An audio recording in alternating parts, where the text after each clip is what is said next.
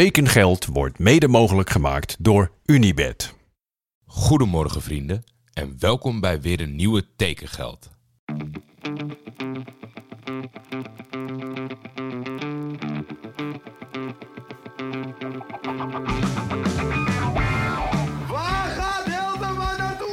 Kan u mededelen dat er overeenstemming is bereikt met Johan Cruijff bij Feyenoord. Navarone voor. Vandaag in andere kleuren, hè?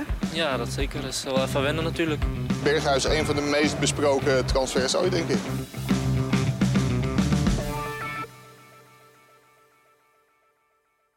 De NAS-server draait weer op de illegale voeding van Max. Dus Max kan morgen een ode verwachten. Hij moet me wel een klein beetje input geven, want ik ken hem natuurlijk niet persoonlijk, maar het is meer dan verdiend. Wat was ik opgelucht toen alle lichtjes gingen branden. Ik heb zelfs een unboxing video gemaakt, die zal ik morgen posten op Twitter. Dan was het vandaag natuurlijk wel weer. Dan was er natuurlijk vandaag weer veel te doen rondom de vaatwasser. Ik heb zelfs Chris mensen zien betichten die onder de vier minuten hadden geklokt dat ze vals speelden. Het stopt maar niet. En Jeroen had natuurlijk geopperd over het feit dat misschien Jasper een plastic servies had. Hij had geen plastic servies, maar wel heel veel plastic onderdelen waar veel tijd in ging zitten in het drogen.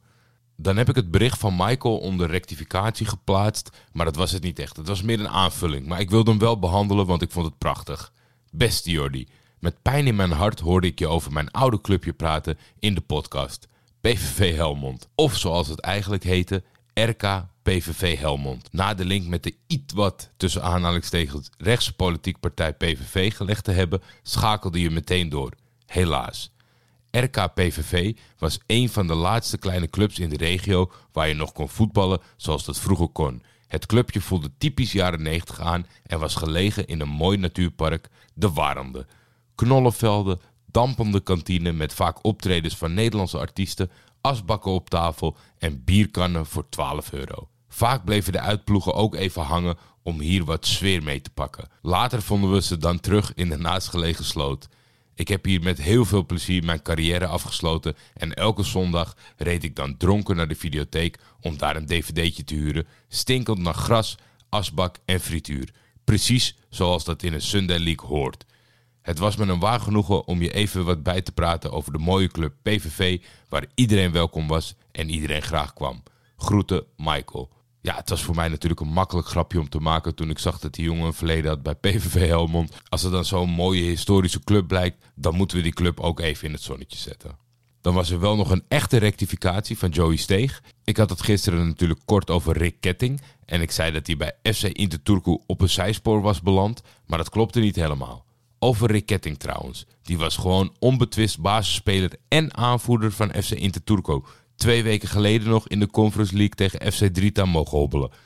En toen ging ik kijken en hoe dat nou bij mij tot stand is gekomen.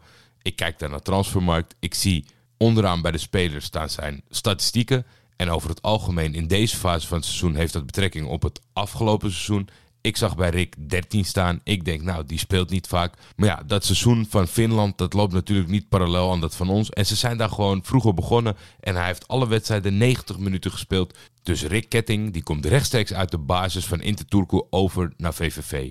Dus we mogen best wel wat meer van hem verwachten. Dan de afgeronde transfers van vandaag. Francisco Conceição is eindelijk gepresenteerd door Ajax. Het was nu nog even met een kort bericht dat hij waarschijnlijk morgen aangekondigd zal worden. Maar hij komt over voor 5 miljoen van FC Porto. Het is een 19-jarige middenvelder die het liefst opereert vanaf de rechterkant. Vorig jaar januari ging hij viraal omdat hij twee minuten na zijn invalbeurt de winnende maakte voor Porto tegen het nietige Estoril. Het grootste vraagteken wat ik bij Francisco heb, zijn vader is trainer bij Porto. En dan moet je natuurlijk een beetje vriendjes, familiepolitiek tegengaan. Dus je kan hem moeilijk toepassen, tenzij die echt heel goed is. Maar om hem dan maar in een definitieve transfer te laten gaan naar een andere club, dat zegt mij toch wel veel. Want een vaderhart, ja, we weten het allemaal, van langs de lijn, de vervelende amateurvaders tot in het profniveau. De vaders die echt wat voor het zeggen hebben en toch hun zonen proberen toe te passen. Het moet toch wel heel bond lopen dat je in die zin niet ziet zitten in je zoon hem te laten gaan naar een andere club. Dus dat is toch wel een klein beetje waarover ik twijfel. Voor de rest heb ik gewoon te weinig gezien van deze jongen om er echt een mening over te hebben. Het lijkt de ultieme YouTube-voetballer. Snel, behendig. Dat doet het altijd goed in de filmpjes. Maar als we inzoomen op zijn speelminuten en kansen, Dan heb je natuurlijk de vaderfactor. Maar het is nog maar echt de vraag of deze jongen een impact kan hebben als bijvoorbeeld Anthony. Dan was er een regionale transfer in de omgeving Rotterdam. Jackie Donkor die verhuilt Dordrecht voor Excelsior. En dan vraag ik natuurlijk Philip van Es van de podcast Dort op dinsdag... wat de Excelsior supporters, het zijn er niet veel... maar wat ze mogen verwachten van Jackie. Hey Jordi, hey beste tekengeldluisteraars. Ja, even over de transfer van Jackie Donkor van FC Dordrecht naar Excelsior. Voor de Excelsior-fans even een kleine, nou ja, voice highlight reel over wat de man allemaal kan. Het is een hele snelle speler. Hebben we in de tweede seizoenshelft bij FC Dordrecht echt goed kunnen zien. De ploeg rendeerde heel goed en dat is mede door Jackie Donkor. In combinatie natuurlijk met, nou ja, voor de Excelsior supporter, de bekende Stijn Meijer. En Christian Conte, die gehuurd was van Feyenoord. Want de trainer had een hele goede tactiek erop verzonnen en kon de snelheid van Donkor goed gebruiken. Daarbij is hij technisch heel erg vaardig, waardoor hij vaak de man was die de bal vast moest houden en wat kon gaan creëren. Ik heb het er al met een enkele Excelsior supporter over gehad. En het is misschien het beste te vergelijken met Jordan Botaka. Alleen is hij iets minder technisch begaafd als dat Botaka was. Maar hij heeft een beter schot. Dat is allemaal positief. Dan ook nog wat, wat negatiefs, want dat hoort natuurlijk ook bij spelers.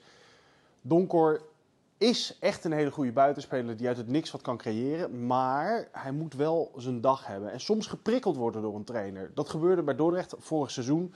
Tegen de Graafschap zat hij op de bank. Had al een hele reeks aan wedstrijden niet gescoord. Het verschil net niet kunnen maken. En dus koos Santoni voor een andere optie.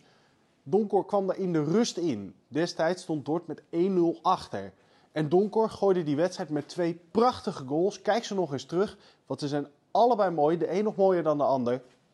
Bracht hij Dort op voorsprong terug naar een 1-2 voorsprong op bezoek in de Vijverberg. Maar helaas floot Joey Coy die wedstrijd, kreeg een onterechte strafschop tegen.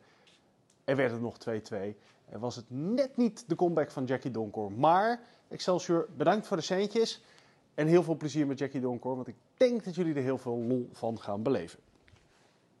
Nou, Philip heeft een realistisch beeld proberen te schetsen. Ik denk dat er heel veel potentie in zit, maar dat er ook nog wel wat vraagtekens zijn. En benieuwd hoe Jackie zich gaat houden op het eredivisieniveau. Dan was er een transfer die eindelijk werd afgerond, die mij al lang was ingefluisterd door de kanalen rondom Sittard. De 21-jarige Braziliaanse centrale verdediger Rodrigo Gut, die komt voor 1 miljoen euro over van Atalanta. Afgelopen seizoen maakte Rodrigo veel indruk bij NEC. Hij moest even vechten om zijn basisplaats, maar toen hij hem eenmaal had, heeft hij hem niet meer afgestaan. En ik zie echt wel mogelijkheden en ik zie voldoende aanleiding voor een solide centraal duo gevormd door Siovas en Goed. En toen kwam Feyenoord met nieuws. En dan hopen de supporters natuurlijk dat het betreft voor het eerste elftal. Dat was niet het geval, want Leo Sauer werd aangetrokken en die is 16 jaar. Het is een Slovaaks wonderkind en die verhuilt tijdelijk Zilina voor Feyenoord. De technisch directeur was lovend over de potentie van Leo, alleen hij is nog wel erg jong. Natuurlijk heeft Feyenoord een optie bedongen tot koop. En de echte diehard supporters die zullen het snel kunnen beoordelen, want daarvoor moet je jong Feyenoord gaan kijken. En dan was er nog een internationale uitgaande transfer. Richard Jensen, die verhuilt na drie seizoenen Roda voor Górnik Zabrze in Polen. Ik vroeg Roda JC supporter Max om ons eens te vertellen over de periode van Richard bij Roda. Hey Jordi, je vroeg mij om iets te vertellen over Richard Jensen naar aanleiding van zijn vertrek naar de Poolse competitie. Richard kwam vier seizoenen geleden binnen bij Roda en begon allesbehalve stabiel. Hij heeft te maken gehad met twee zware knieblessures en zijn prestaties waren ver ondermaats. Niemand had nog verwacht dat hij zich in de afgelopen twee seizoenen tot sterkhouder en zelfs aanvoerder zou ontwikkelen. Des te meer is het daarom jammer dat het avontuur van Richard bij Roda als een nachtkaars uitgaat.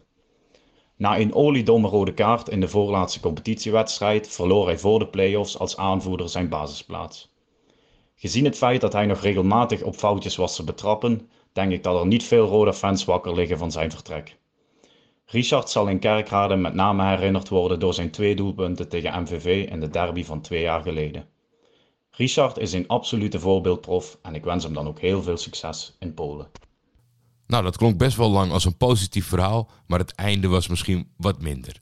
Dan tot slot, Michael Mulder van ADO Den Haag, die gaat AZ-keeper Bo Reus achterna en gaat een seizoen spelen voor SK Beveren. Als ze dit tempo weten vast te houden in Beveren, dan kunnen we straks na de Ivoriaanse kolonie ook spreken over de Nederlandse kolonie. Nou, dat was hem weer voor vandaag. Ik verwacht dat er morgen het een en ander aangekondigd gaat worden, dus daar kijk ik naar uit. Uh, geniet van jullie dag. Neem een lekkere bak koffie. Ik zag een prachtig filmpje voorbij komen op Instagram van een heerlijke ice koffie met mijn stem op de achtergrond. En dat zijn de beelden waar je gelukkig van wordt als je een ochtendpodcast maakt. Ik spreek jullie morgen. Tekengeld is een Schietvogeltje Media original. De intro is van Jacco den Hertog. Voor commerciële vragen en of samenwerkingen kun je mailen naar schietvogeltjemedia.gmail.com.